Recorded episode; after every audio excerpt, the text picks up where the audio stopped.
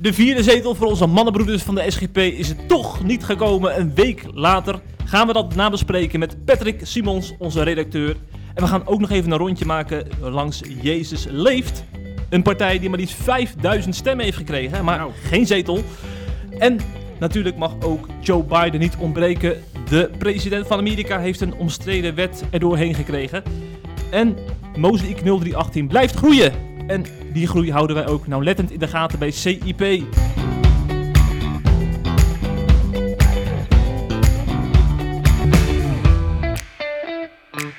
Patrick, Hey, hallo. jij bent er weer. Ik ben er weer, ja. Eh, het voelt nog maar als een week geleden, maar eh, dat was al twee weken, hè? Het is al twee weken terug, ja. Vorige Wel- week eh, waren de verkiezingen. Ja, ja, en helaas hadden we toen nog even geen podcast. Moet nog wel even Nee. toelichten trouwens, want Ja. ik had twee weken geleden aangekondigd dat dominee de Boer zou aanschuiven. Ja. Maar helaas, hij zat in quarantaine, Oei, dus dat ging niet door. corona.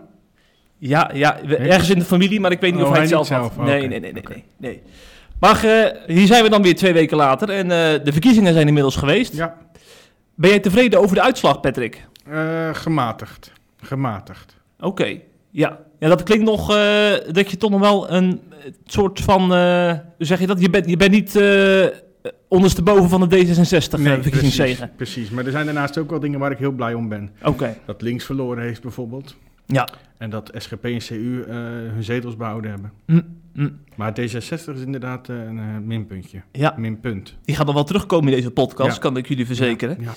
Maar natuurlijk gaan we ons eerst even een potje lopen ergeren in onze vaste rubriek.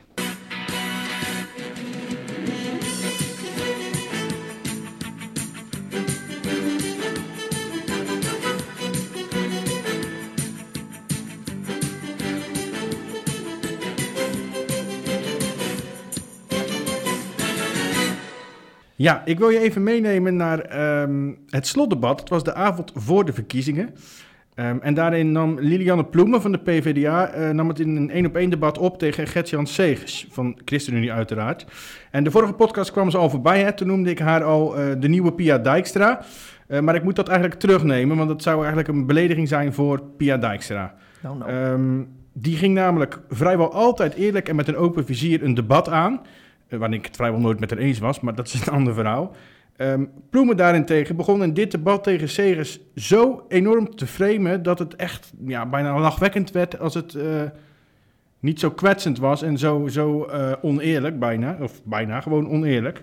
Ehm, Don Ceder werd daar natuurlijk weer bijgehaald... Hè, met zijn ongelukkige uitspraak over de vijf dagen bedenktijd bij abortus... waar we het vorige keer al uitgebreid over gehad hebben... Ehm, daar was hij inmiddels al lang op teruggekomen. Hij had zijn excuses al aangeboden. Hij, heeft, hij is met vrouwen in gesprek gegaan, maar dat, dat deed er allemaal niet toe voor mevrouw Ploemen. Want ze wilde natuurlijk scoren voor haar achterban of potentiële achterban. Ook werd Arie Slob erbij gehaald. Dat was eh, de minister van Onderwijs in het vorige kabinet. Hè. Ehm, nou ja, laten we maar even luisteren wat Ploemen daarover zei.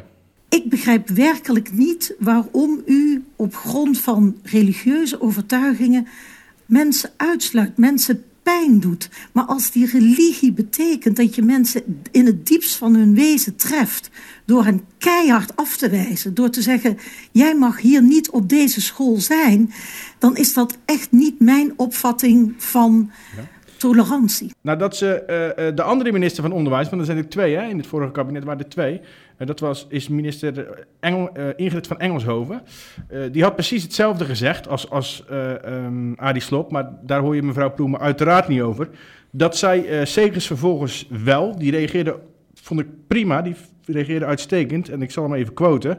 U framet Adi Slop op een manier die mij echt raak, raakt. Dat is Adi Slop niet. Dat heeft hij niet gezegd. En om, eraan, om er nog aan toe te voegen, ehm, wat ook wel heel erg voor Adi Slop en voor Segers pleit en voor de ChristenUnie en in het nadeel van Lilianne Ploemen, is dat ehm, Mark Rutte even later in zijn eigen debat met eh, Wopke Hoekstra, geloof ik uit mijn hoofd, eh, terugkwam op dit onderwerp. Terwijl het eigenlijk een totaal ander debat was. Hij begon zijn debat door te zeggen, eh, ik wil allereerst even zeggen dat wat Gert-Jan Segers zei over Adi Slop in het vorige debat was 100% correct. Dat zegt genoeg, hè, als Rutte dat, doet. Dat zegt genoeg. Ja, ja. Dus een terechte ergernis, lijkt me. Deze Ploemen eh, eh, is al vaker de, teruggekomen in deze Ja. podcast. Eerder ook bij de abortusdebat, hè, dat, Ja. ze, dat ze schil om leven in een verkeerd daglicht stelt en zo. Is, is, denk je dat als ze nou echt een antichristelijke agenda heeft, deze vrouw? Nou, nee. Ze, ze heeft eh, een, een, haar agenda is, eh, is, staat wel haaks op christelijke waarden natuurlijk. Eh, maar dat is niet bewust om christenen te framen. Ik geloof wel dat ze eh, mensen vrij wil laten geloven. Maar niet eh, in haar ogen eh, worden homoseksuelen gediscrimineerd, worden vrouwen geïntimideerd. Zij denkt, zij, dat zei ze volgens mij in dit debat ook nog weer. Ehm ze schetsen een beeld alsof een vrouw die abortus pleegt... door een haag van mensen moet die allemaal moordenaar staan te roepen. ja. Ik krijg dan een beetje tafereelen bij, bij hoe, hoe Jezus daar liep met zijn kruis bijna, weet je wel. Hm.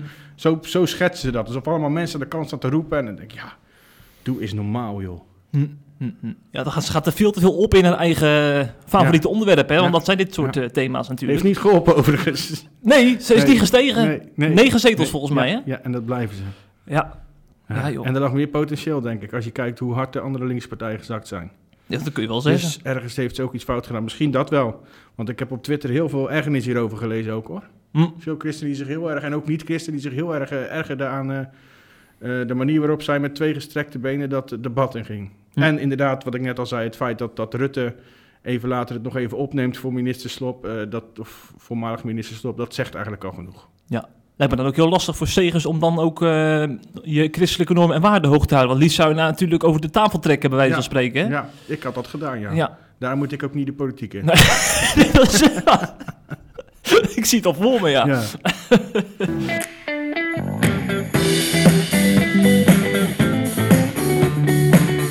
Het laatste nieuws uit christelijk Nederland bespreken we in de CIP-podcast.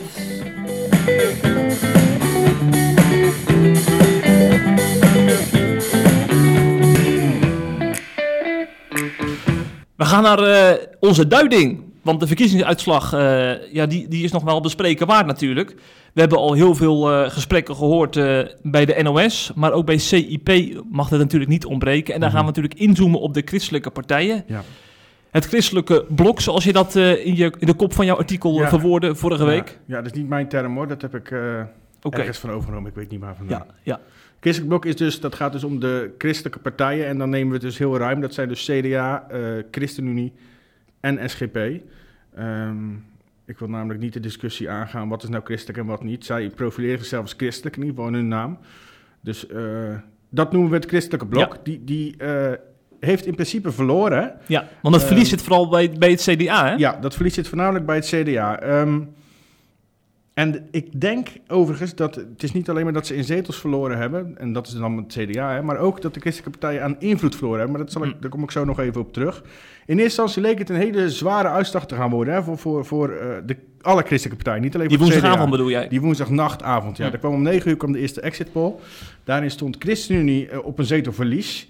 Eh, wat eigenlijk niemand aan zag komen, want die partij die was voortdurend... We hebben het de vorige podcast nog over gehad, hè. Toen zei ik nog, het is de enige partij die eh, scoort in de peilingen die met Rutte heeft geregeerd. D66 die was ook, stond Ja. ook in de min. Nou, dus zie je hoe snel het om kan draaien. Of dat de peilingen niet kloppen, dat kan natuurlijk ook altijd. Dat hebben we ook in Amerika gezien. Hè. Dat werd ook gedaan alsof Trump eh, enorm zou gaan verliezen. En uiteindelijk was het vrij nipt. Ehm, maar CU leek dus te gaan verliezen in zetel. Ehm, en wat ook eh, een beetje tricky was, dat is dat op dat moment bij die eerste exit polls werd er een hele hoge, heel hoog opkomstpercentage gegeven. En dat is eh, heel eh, ongunstig voor de SGP, omdat die, die hebben altijd een vaste groep kiezers. En hoe meer mensen er komen, hoe minder zetels zo'n vaste groep kiezer vertegenwoordigt natuurlijk. Hè? Dus daar werd ook nog voor gevreesd naar die eerste exit poll. Nou, uiteindelijk kwam dat dus gelukkig goed en is eh, zowel ChristenUnie als SGP hebben hun eh, aantal zetels geconsolideerd. Hè? Dus vijf voor CU en drie voor SGP. Vijf voor CU, drie voor de SGP. Ehm, en CDA, wat je net al zei, die kreeg wel een flinke klap. Hè? Die partij die verloor vier zetels, ging van, eh, of vijf zetels zelfs. Nee, vier. Van Vier, 19 van naar 19 15. naar 15. In de exit polls was het eerst 14, toen werd het 15, ja, inderdaad. Ehm, en daarmee kunnen we dus wel stellen dat het christelijke blok eigenlijk kleiner is geworden. En ik denk toch ook wel dat de invloed kleiner is. Want ik, ja, ik verwacht namelijk niet dat CU eh, opnieuw gaat mee- meeregeren. Dat is wel echt een persoonlijk gevoel hoor. Ehm, want Rutte, die zag ik vandaag zeggen dat hij CU nog steeds als een serieuze optie ziet. Om, om samen met D66, zijn eigen partij VVD en CDA te gaan regeren. Ehm, en, en zei daarbij, we hebben heel goed samengewerkt afgelopen kabinetsperiode. Maar de vraag is of D66 dat wil. En die heeft nu veel meer in de, in de melk te brokkelen Ja. dan bij de vorige onderhandeling natuurlijk. Omdat ze zoveel winst hebben behaald. Ehm, en of ChristenUnie het zelf wil. Hè? Dat is ook nog maar de vraag. Want ik denk dat tussen ChristenUnie en D66 zal het wel eh, gaan spetteren dan. Mocht, mochten ze gaan onderhandelen. Dus eerlijk gezegd zie ik dat somber in. CDA zal, vermoed ik, wel mee gaan regeren. Ehm, dat hoop ik althans. dat- Anders gaan we helemaal over links. Ehm, Rutte noemde die partij ook overigens hoor, naast D66. Eh, en hij noemde Ja 21 eh, als mogelijke, dat was ook vandaag weer, als mogelijke eh, coalitiepartner. Dat is wel opvallend. Dat is de partij die zich heeft afgescheiden van Forum voor Democratie, hè, waar Rutte eerder samenwerking mee uitsloot. Ehm, en die partij is toch wel, komt toch wel dicht, denk ik, bij christelijke waarden. Maar jij hebt dat verkiezingsprogramma ook Ja, doorgenomen, hè, ja, CIP? Ja, die, hebben, die zijn bijvoorbeeld kritisch op abortus, maar althans niet op abortus zelf, maar op de 24 weken grens. Oké. Je willen ze het maatschappelijk debat overvoeren, maar het is ook eh, eh, eh, de, een van de weinige partijen naast de christelijke, of misschien wel de enige, die specifiek christenvervolging in hun programma heeft staan. Dat ze op willen komen voor vervolgde christenen wereldwijd. Waar ik eh, heel erg van gecharmeerd ben, want ik heb me tijdens het doornemen van die verkiezingsprogramma's heel erg geërgerd dat ik bij andere partijen zag staan. eh, de Oeigoeren kwamen overal voor. Hè. Ehm, dat is een eh, moslimminderheid in China, die worden daar onderdrukt. En nog een paar onderdrukte minderheden, Palestina uiteraard. Die komen dan allemaal voor. En de christenen, verreweg de grootste onderdrukte religieuze minderheid in de wereld, met miljoenen, eh, die kwamen helemaal niet voor in die partijprogramma's. Daar heb ik me heel erg aan geërgerd. En bij jaar 21 dus wel. Dus wat mij betreft heel goed nieuws als die eh, ehm, mee zouden gaan regeren. Van de Staaije Segers, die eh, waren eigenlijk vooral heel opgelucht, merkte ik aan de reacties. Hè. Die hadden, waren natuurlijk ook geschrokken van die eerste exit poll. Wat ik zeg, Segers een zetel eraf. Van de Staaij, die zag die opkomstpresentatie. Je zag hem twijfelen voor de camera op dat moment. Ehm, maar die klonken dus inderdaad vooral opgelucht. Overigens werd er ook gevraagd over eh, opnieuw meeregeren of steun aan het kabinet. Segers zei daarop dat het nog veel te vroeg is eh, om daar iets over te zeggen. Eh, van der Staaij zei, en dat vond ik wel opvallend, eigenlijk vrijwel direct al, hoe groter de invloed van D66 op het kabinet, hoe kleiner de kans dat SGP dit kabinet gaat steunen. Nou, dan hebben we nog CDA natuurlijk. Hoekstra die was uiteraard heel erg teleurgesteld. Inmiddels is de partijvoorzitter ook afgetreden. Dat klopt, ja. Eh, dus ja, ik ben benieuwd wat daar nog verder gaat gebeuren. Wat, wat wel overigens nog tot slot, eh, en dan ga jij een aantal reacties eh, uitlichten op social media. Ehm, de samenstelling van de partijen, dat is wel bijzonder. SGP blijft de samenstelling eigenlijk hetzelfde in de Tweede Kamer. Er gaan de driezelfde mannen de Kamer in. Dat zijn Kees van der Staaij, Christoffer en Roelof Bisschop. Bij CU verandert dat nogal. Eh, alles onder voorbehoud. Hè. Mochten ze mee gaan regeren of mocht er iemand met voorkeurstemmen gekozen worden, dan verandert dat natuurlijk.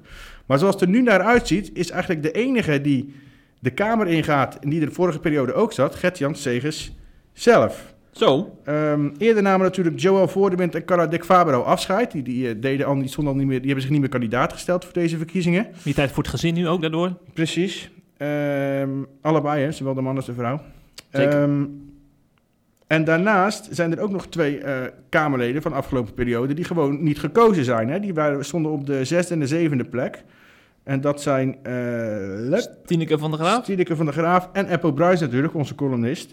Dus die, die zouden op dit moment niet in de Kamer komen. En dat betekent dus dat er eigenlijk alleen Gert-Jan Segers, wat ik net zei, de Kamer in gaat. En daarnaast vier nieuwe.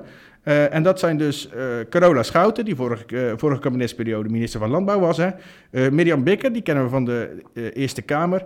En Don de Jonkies, kan ik wel zeggen. Don Seder en Pieter Grinwis. Maar nogmaals, dat is allemaal onder voorbehoud. Want het kan natuurlijk nog gebeuren dat CU gaat meeregeren. En dat daardoor een van die eerste vijf of meerdere staatssecretaris of um, minister worden. En dan schuift het natuurlijk op. En het zou ook kunnen dat iemand als Eppo Bruins met voorkeurstemmen nog gekozen wordt. Daar zou ik niet van staan te kijken. Want ik heb, maar goed, dat kan ook aan mijn bubbel liggen. Mm. Best veel mensen gezien ja. die op Eppo gingen stemmen. Ook gezien, ja. Maar goed, dat is op, dus op zich wel opvallend. Vijf, vijf zetels, net als vorige keer, maar vier nieuwe gezichten. Hm, hm, hm. Maar als ChristenUnie dan in jouw analyse niet gaat meeregeren, dan gaat het christelijke geluid dan ook wel uh, behoorlijk uh, verwateren dan in de coalitie. Ja, dat, dat weet ik niet. Uh, ja, in de coalitie weet natuurlijk wel. Maar ik weet, in de oppositie kan je natuurlijk nog veel meer christelijk geluid ja. laten horen. Maar dan hoef je niet geen rekening te houden met afspraken en met deeltjes die je gesloten hebt in het kabinet. Dus over het algemeen krijg je juist, kan je meer je christelijk geluid laten horen. Weer. Alleen je hebt wel minder invloed. Hm, hm. Want ze hebben ongemerkt natuurlijk best wel veel invloed gehad. Dat kon je ook zien aan wat ze op hun eigen website hebben gepresenteerd. Hè, wat ze allemaal bereikt hebben. En wat ook niet, hebben ze ook verteld. Ehm, ze hebben veel meer invloed. Toen- totdat ik het las, eh, het was veel meer dan ik dacht, zeg maar. Ja. Ja. Dus wel minder invloed, ja, helaas. Maar je weet het niet. Misschien gaan ze alsnog mee regeren. Ja, dat zou wel, eh, zou wel wat zijn, zeg. Ja. Twee keer achter elkaar. Maar Ja. we gaan het zien. Ja.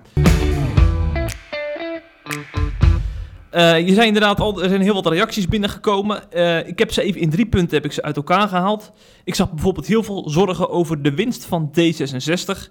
En Roelof Bisschop van de SGP, die illustreerde dat het beste bij Family 7 als volgt. Maar die winst van D66, betekent dat wat voor de christelijke partijen? Ja, Uw partij, ChristenUnie, CDA? Ik denk het wel. Als D66 eh, eh, aan haar positie nu als tweede partij het recht ontleent om haar eh, anti-christelijke agenda krachtiger door te voeren. En dan heb je het over medische ethiek, dan heb je het over eh, het bijzonder onderwijs enzovoorts. Ja. Ja, dan, eh, dan heeft eh, het christelijk volksdeel in Nederland eh, behoorlijk wat te vrezen. Ja. Ja. Ja, Bisschop, dat is natuurlijk een beetje de dwarsligger van de Tweede Kamer hè, eh, uit de christelijke hoek. En eh, die verwoorden dat dus zo. Maar eh, wat dacht je van Geert-Jan Norman, directeur van zendingsstichting Friedesteam? Ik citeer eventjes. Hup D66, dubbele punt. Meer klimaatgedram, meer racismegedram, meer vrouwenrechtengedram, meer Europa-gedram, meer asielzoek, asielzoekersgedram en meer ongelijkheidsgedram. Vier jaar lang gedram, zegt Geert-Jan eh, Norman. Dus die is niet zo blij volgens mij. Nee, nee, dat is hij wel vaker niet, hè? Nee, nee. Die is nog wel uitgesproken op Twitter. Cor Schaap die, die zei het op een andere manier. Eh, we zakken opnieuw verder weg. Met D66 wordt alles nog goddelozer. Want dat, wat is dat toch diep triest voor ons land? Wie God verlaat, heeft smart op smart te vrezen. Wat doen we ons land en God tekort? Nou, dat is een geluid Ja. die je ook vaker hoort, denk ik, in, Ja. in onze achterban. Zeker wel. En Alex ten Katen, eh, die wel eens op de achtergrond advies geeft aan de ChristenUnie, spreekt van een ruk naar het cosmopolitische individualisme. En dus een ruk naar het midden. Hij betreurt de winst ook van D66 enorm. Eh, ja, dat is toch wel een, eh, een reactie die ik veel zag worden gedeeld in onze timelines in christelijke kringen. Wat mij ook, overigens- ook opviel, is dat er volop, volop werd verwezen naar de toeslagenaffaire. Die zijn we misschien inmiddels al een beetje vergeten. Want vorig jaar is natuurlijk het kabinet gevallen hè, over Ja. die toeslagenaffaire. Ja, dit jaar, hè? Dit jaar was het. Dat was begin dit jaar zelfs, ja. Ja. Ja, klopt. En eh, zoals theaterdominee David Heek, die zegt dan... ja, eigenlijk is het moreel verwerpelijk als het kabinet in deze samenstelling doorgaat. Want daarmee geef je een Ja. verkeerd signaal af aan al die slachtoffers van de Nou toeslagenaffaire. Nou ja, nou ja, moreel verwerpelijk. Het is vooral opvallend dat de kiezer schijnbaar de toeslagaffaire niet zo belangrijk vindt. Ja, Want de kiezer heeft, eh, conclusie, ja. heeft de coalitie er niet op afgerekend. Nee. Ze Nee, want maar één partij heeft verloren, CDA, Ja. van die drie, Ja, van de vier. Ja, precies. D66 winst, VVD winst. eh, CU gelijk en, en CDA inderdaad verloren dan. Maar Ja. dat komt eerder nog door, denk ik, eh, doordat de Hoekstraat op het laatste moment heeft overgenomen. Hm. Hm. Ehm, ja maar dan, ja, het is wel heel opvallend, hè? dan komt het toch neer op wat Bert Heuvelman van de EO zegt. Eerst zegt Nederland, toeslagenaffaire, grote schande, nooit meer. En nu zegt Nederland, doe nog maar een scheutje extra VVD. Ja. Hij vindt dat niet met elkaar rijmen, die Ja, man. Ja, en D66. Ja, Je kan het ook. natuurlijk niet alleen maar, en, en, en meerdere trouwens, meerdere partijen. Ook buiten het kabinet om. PvdA ook, ja, ja. Maar je kan het natuurlijk niet alleen maar op het bordje van VVD schuiven. Dat is een beetje te makkelijk. Nee, nee. Dan volg ik, volgens Erik van Dijk, adviseur en trainer, is het alsof Nederland een dikke middelvinger naar de slachtoffers van de toeslagenaffaire opsteekt. Ervaar, ervaar je dat ook zo, Patrick? Ja. Ja, dat denk ik wel, ja. Precies wat ik net zei. Hè. Die, die- die- eh, er komt heel veel maatschappelijke kritiek op eh, wat er gebeurd is. het kabinet valt er zelfs over. Hm. Vervolgens, een paar maanden later, zijn de verkiezingen en stemt, eh, stemmen we doodleuk de, de, de- eigenlijk hetzelfde kabinet. Want met hetzelfde kabinet kunnen we door. Daar komt het op neer, ja. Ja, dus Ja. dat is eigenlijk wel eh, best wel opvallend, ja, laat Ja. ik het zo noemen. Schijnbaar eh, vindt Nederland niet zo belangrijk. Nee, nee ik, ik- moet ik zeggen, eh, in mijn, in mijn bubbel ook zie ik heel weinig mensen die überhaupt hier iets van afweten. Er zijn natuurlijk wel wat fijnproevers die ze erin Ja. verdiept hebben in die toeslagenaffaire, Ja, maar dat is echt een uitzondering. Het heeft natuurlijk wel overal in de media gestaan, hè. Ja. Kranten, tv-programma's, overal. Ja, maar dat mensen het echt raakt. Dat Ja, zijn toch vaak dat- koppensnellen. Als je, zo'n verhaal ziet of hoort of eh, leest, dan moet je daar toch van onder Ja, de indruk dat zijn lijkt mij ook. mensen die daar jarenlang onder gebukt gaan en daardoor in de problemen komen. Ik vind het, Ja. ik vind het opvallend. Ja, absoluut. Eh, wat veel mensen ook opvallend vonden is eh, de overwinning van rechts. Eh, Wim Pluimers viel bijvoorbeeld op dat het rechtse blok, hè, dus heb je PVV, FVD en JA21, bij elkaar 29 zetels heeft gehaald. Het rechtse blok is machtig geworden. En niet iedereen staat erbij te springen, want Reina Wiskerken, columnist van het Nederlands Dagblad, Ja. veel gelezen, Ja. zegt: Ik moet even bijkomen. Het is mij veel te rechts geworden in Nederland. Met veel onaangenaam rechts ook nog eens, zegt zij. En Annemarie voegde dan naartoe dat er ook wel wat complottheorieën daardoor eh, eh, worden geëndorst. Om te huilen, zegt ze. Al die christenen die FVD stemden vanwege de coronamaatregelen. En in haar timeline ziet ze ook dat eh, mensen dus voor Baudet stemmen... omdat God zo iemand wel kan gebruiken. Hè? Dat argument werd ook bij Trump aangehaald, Ja. bij evangelicals die op Ja. Trump stemden.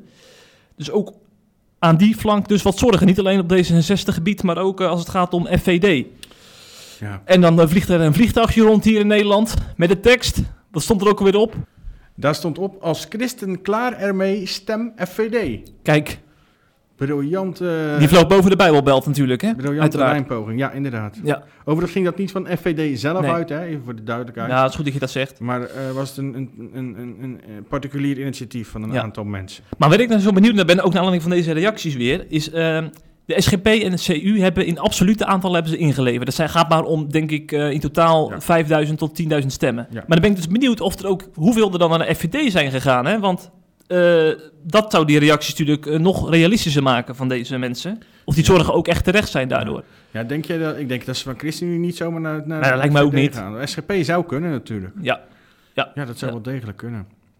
ja. Nou, ik, ik ben benieuwd eh, of... eh, Maar laten we nou niet gaan doen als FVD, alsof FVD op hetzelfde niveau zit als D66, want dat is natuurlijk Hmm. niet waar. nee, nee, maar de groei is natuurlijk wel gigantisch. Ja, maar dat is of dat hetzelfde gevaar inhoudt. Daar ben ik het absoluut niet mee eens. Nee. Maar jij ziet natuurlijk ook het rechtse spectrum wat dat betreft. Ja, Dus je ziet het ook waar. niet als alleen aan Wiskerken natuurlijk. ja, ja nee, dat is waar. Nee, die zit wel erg in het linkse spectrum. dat denk ik ook. ja. Ja. Nou, wij, eh, we gaan ons de komende jaren natuurlijk... we gaan, wij gaan de politiek blijven volgen. Het is voor ons geen eendagsvlieg, hè, al die partijen. Nee. Dus we gaan ook kijken of ze al hun woorden gaan waarmaken Zo natuurlijk. is het. Ja, we houden ze in de gaten. Zo is het. Vooral de christelijke partij uiteraard. Ja. De korte nieuwsjes, die gaan wij eens doornemen. Eh, want zoals jullie weten bespreken we ook hier en daar wat nieuwtjes uit het land, elke week. En dan komen we bijvoorbeeld ook in plekken als Rijssen en Katwijk, want daar is wat gebeurd. Of daar gaat wat gebeuren, Ja, beter daar gaat wat gebeuren. Ja, Mozaïek namelijk, eh, de gemeente van Kees Kruijhoort, hè, Mozaïek 0138. 0318. 0318, ik zeg het weer verkeerd. Ehm dat zit in Venendaal, hè. Die, hebben, eh, die gaan zeven nieuwe kerken stichten. Ehm, eerder hadden ze al een extra kerk. Er waren eigenlijk twee kerken nu, Hm. hè. eentje in Venendaal en eentje in Nijkerk. Eh, daar komen dus zeven nieuwe gemeentes bij. Ehm, in Amsterdam, in Rotterdam, eh, in Almere, in Apeldoorn, omgeving Katwijk, omgeving Rijssen en Steenwijk. Ehm, nou, dat is eigenlijk aan de ene kant kunnen we zeggen het is opvallend nieuws, maar we zagen dit al wel een poosje aankomen. Ehm, al eerder werd er over uitbreidingsplannen gesproken in Apeldoorn bijvoorbeeld. En het kwam ook al wel naar buiten dat ze waarschijnlijk nog meer zouden gaan uitbreiden in andere steden of dorpen of regio's. Wat ik wel opvallend vond, is dat bij dat nieuws ook direct werd gemeld dat Joël Boertjens, ons niet onbekend, hè, dat die was de voornamelijk voorganger van De Verbinding in Amsterdam. Dat is de gemeente van Orlando Botterblij. Ehm, daar is hij eh 1 januari gestopt, geloof ik, afgelopen, per afgelopen 1 januari. Mhm. En die wordt betrokken bij het opbouwen van Mozaïek 020 in Amsterdam. Dus even voor de duidelijkheid. Dat vond ik wel eh, opvallend nieuws. Verder, als, als we die, die steden bekijken, of die plaatsen waarin ze een nieuwe kerk gaan stichten, dan, dan is het een beetje een mix van grote steden, Amsterdam, Rotterdam, eh, christelijke regio's, Rijssen, Katwijk.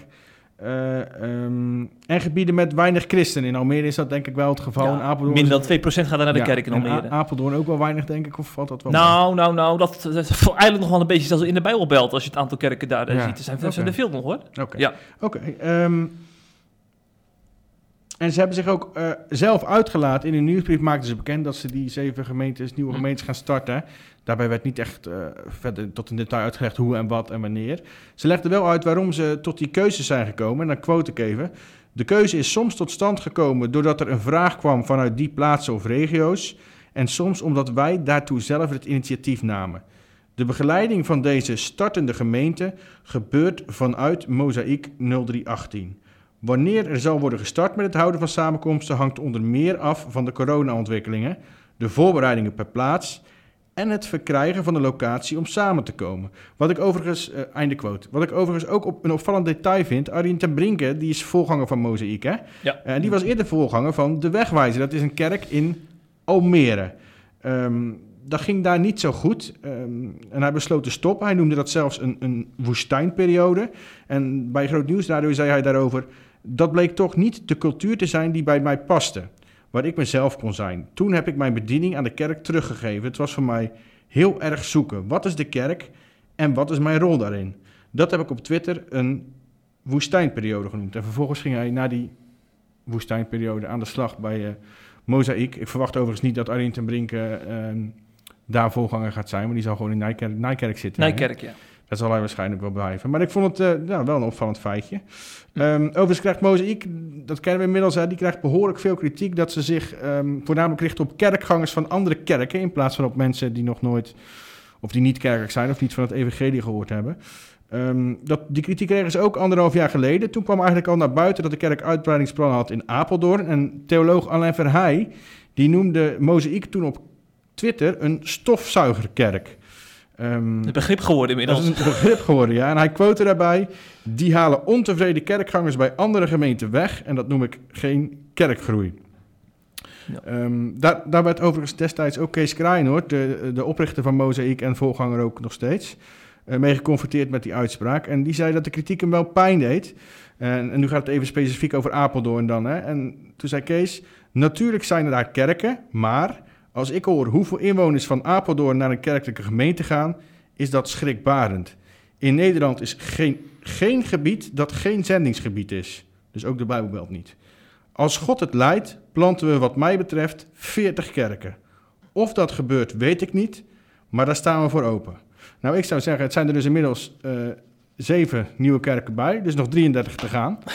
um, en daar wil ik wel een kleine tip bij geven. Denk ook eens aan het zuiden. Want er is nog geen mozaïek in Limburg, geen in Brabant en geen in Zeeland. En ik merk dat ook daar behoefte is. Misschien nog wel meer dan in Amsterdam, Rotterdam en Rijssen. Hm. Ja, die tip krijgt hij gratis mee. Onze gratis, Kees Kraaienoord. Gratis. Ja. Nou, het is een grote stap, maar we gaan toch van uh, Almere en Reizen gaan we naar uh, Washington en New York. Want uh, ja, daar zijn wat zorgen. Ik zag zelfs wat groepjes christenen protesteren. Het zijn geen grote aantallen mm -hmm. hoor. Maar uh, met name conservatieve christenen zijn nogal bezorgd over een nieuwe antidiscriminatiewet die door het Huis van Afgevaardigden in Amerika is aangenomen. Dat is de Equality Act.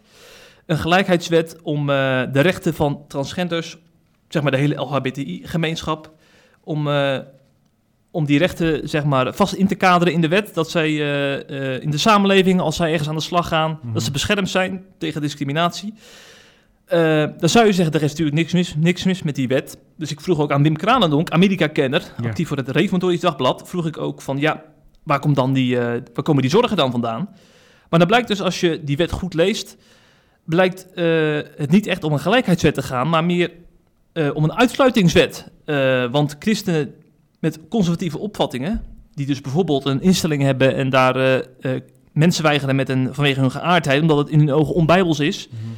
Ja, die worden dan gewoon, zijn gewoon strafbaar zo meteen door die wet en uh, moeten dus boetes gaan betalen en die mensen gewoon eigenlijk onder druk gaan aannemen. Hè, denk bijvoorbeeld aan een christelijke huiseigenaar die dadelijk verplicht een woonruimte of vergaderzaal moet, moet verhuren aan een homoseksueel echtpaar. Of voor, voor een bruiloft of zo van, van zo'n echtpaar.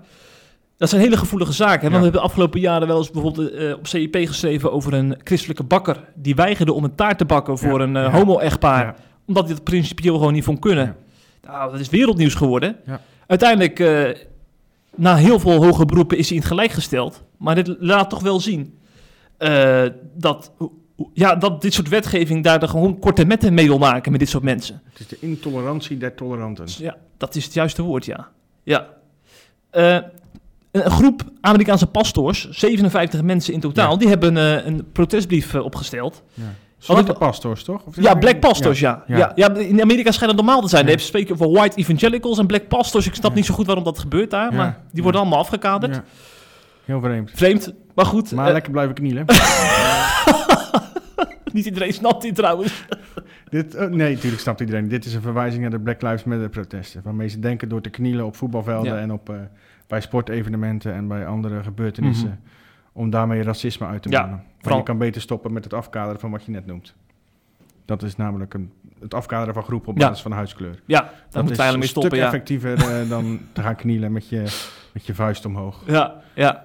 onder goed. werktijd. Deze Black Pastors, die, eh, wat ik wel mooi vond trouwens, is dat ze echt duidelijk maakten eh, dat het hun protest ging niet om, om die LHBT LHBT-personen op zich. Hè. Ze Mhm. willen juist dat ze alle ruimte hebben om overal aan de slag Ja. te gaan en eh, te kunnen wonen en dat ze daarin niet aan worden achtergesteld.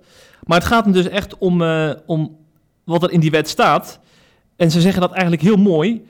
Eh, de, LHBT, de LHBTI-rechten, ja, al die letters, joh, ik, ik strijk wel elke keer weer over. Min H. Min H. Min ja, min, hetero. Min hetero. De min-hetero-rechten. die worden gebruikt als een zwaard tegen religieuze instellingen... in plaats van ze als een schild functioneren om kwetsbaren te beschermen. Vond ik heel mooi gezegd. Ja, Daar komt het eigenlijk wel op neer. En eh, ja, vandaar natuurlijk dat critici ook van door, doorgeslagen gelijkheidsdenken spreken. En je ziet het ook in Nederland steeds meer opkomen. hè. We hebben het natuurlijk vorig jaar al uitgebreid gehad over Arie Slob... de Ja. demissionaire onderwijsminister... Die toen kritiek... eh, die eh, voor de eh, rechten van conservatieve christenen ging staan. Dat ze alle vrijheid hebben om homoseksuele leerlingen te weigeren. En er een dag later op terugkwam omdat in het kabinet eh, die op de, op, op de vingers werd getikt, omdat dat Mhm. niet kan. Ja. En daardoor een draai heeft gemaakt. Dus je ziet dat ook, zeg maar, dat gelijkheidsdenken doorslaat naar onze Ja. samenleving. Dus ik denk ook dat deze wet nog heel veel gevolgen gaat hebben. Ook als dadelijk D66 weer ministers gaat kiezen. Die gaan natuurlijk ook overnemen, lijkt mij. ja. Ik ben er ook bang voor jou. Ja, Roelof Bisschop ook trouwens. Hè. Die hebben we een paar Ja. maanden geleden nog geïnterviewd. En eh, hij was niet mild hierover, Nee. over dit denken. En jij, eh, jij kent hem ten voeten uit. Ja, Dan ik- gebruikt hij ook forse termen, hè? die kan forse termen gebruiken. Ja. Maar mensen kunnen het artikel gewoon lezen ook natuurlijk, hè?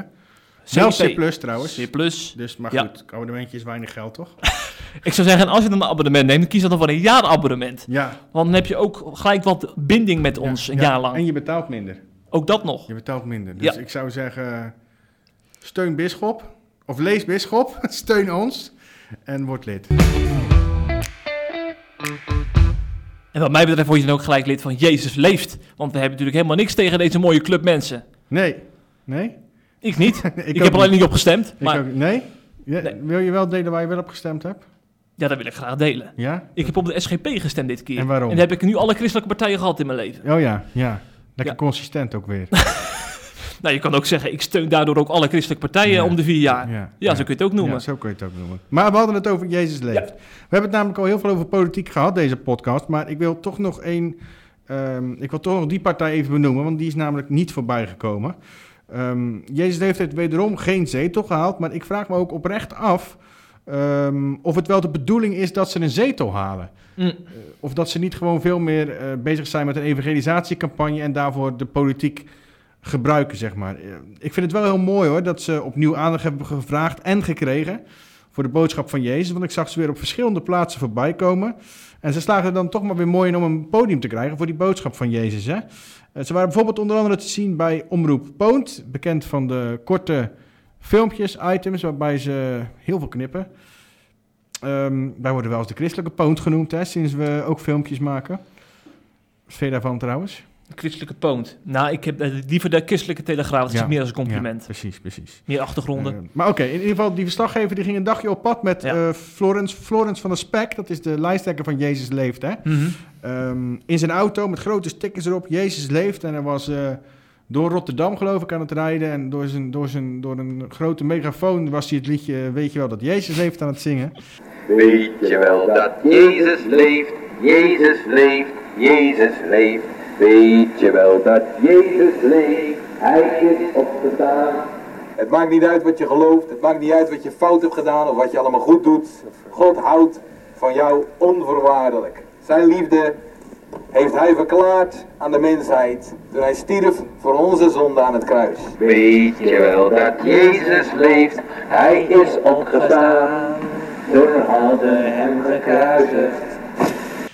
Ehm, en ik, ik moet toch wel zeggen dat ik wel respect heb voor die hoor, Want ehm, die verslaggever probeerde hem eigenlijk voortdurend uit de tent te lokken. Maakte regelmatig spottende opmerkingen. Maar die Florence die bleef, die kan er heel goed mee omgaan. En die bleef heel kalm en die bleef rustig de boodschap van Jezus verkondigen. Eh, En het viel me daarbij ook op dat onder, de, ehm, onder het item op YouTube en op Facebook bijvoorbeeld... heel veel mensen die niet christen waren toch positief op hem reageerden. En eigenlijk die verslaggever een beetje flauw vonden. Wat wij Ja. natuurlijk al snel vinden, maar dat vonden, ook, dat vonden zij ook. En, en toch wel respect voor hem hebben dat hij op zo'n manier voor zijn eh, boodschap uitkomt. Ehm, en dat vind ik sowieso van heel die, die, die Club Christen. Hè? Dat heeft ook met Joop van Ooyen natuurlijk te maken. Die groep is dat, hè? Mhm. Ehm, van Jezus Red, dat bekende Ja, dak op zijn boerderij. Ja. Ehm, en die weten toch altijd wel weer manieren te vinden om te evangeliseren. Maar wat ik me wel afvraag, afvraag